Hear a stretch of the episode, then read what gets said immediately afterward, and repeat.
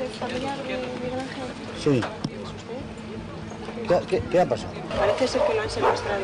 Mila bederatziron da lerogeita amazazpiko usteliak amar, arratsaldeko lauterdiak, pepeko zinegotzi baten baiketaren berri eman duen telefono deia jaso du egin irratiak etaren izenean. Berrogeita sortzui orduko epean, gobernuak presoak Euskal Herrira ekarri ezean, erakunde armatuak baitua hilko du.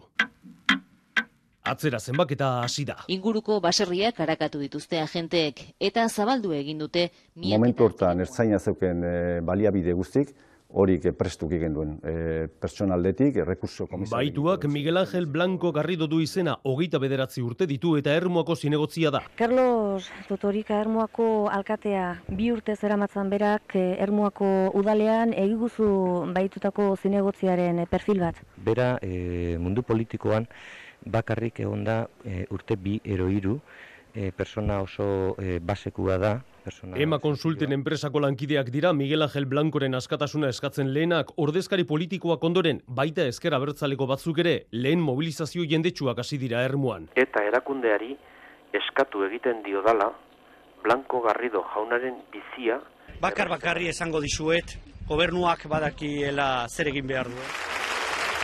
Gaueko amaiketan komunikabideen aurrera irten da Espainiako barno ministroa. Simplemente nos encontramos ante una coacción, una amenaza, un chantaje, que tenemos que saber movilizarnos. Uztailak amaika, ego Euskal Herriko eta Espainiar Estatuko plaza eta erakunde gehienetako eraikinak lazo urdinarekin esnatu dira. Eguerdiko amabietarako, ajuria eneako maiaren bilera deitu du urgentziaz, Jose Antonio Ardantza lehendakariak. Miguel Angelen bizitza beren eskuetan dutenek, hau da, bere baitzaileek eta herri batasunatik babesa ematen dietenek. Biharamun eguerdirako Ez manifestazioa dezatela deitu du lehendakariak Bilboko kaleetan. Bien bitartean, Miguel Ángel Blancori elkartasuna dirazteko ekintzak nonai antolatzen ari dira. Segurtasun indarrek lanean jarraitzen dute. Bueno, ikerketa eh, lanean eh, gauta egun, eh, zeren eta... Eta komunikabideetan etengabeak dira baiketari buruzko saio bereziak. informazioa ba, sal, saldoka zetorren eta informazio guzti hori kudeatzeko ordu laurdenean behin irten behar izan Ez dago pauta jakin bat. Zoritzarrez ohituta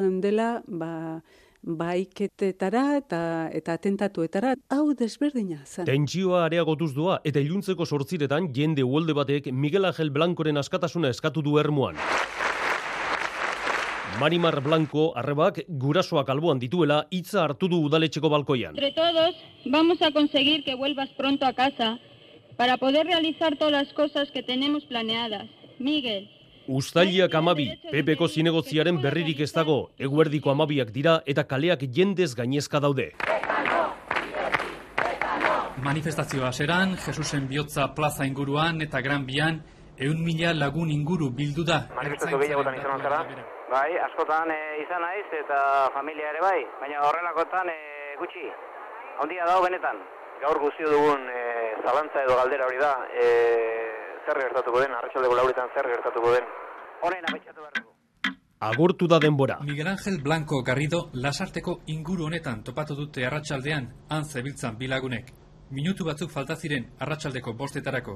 Partidu Popularreko zinegotziak lotuta zeuzkan eskuak eta bi tiro buruan. Eta tentsioak estanta egin du.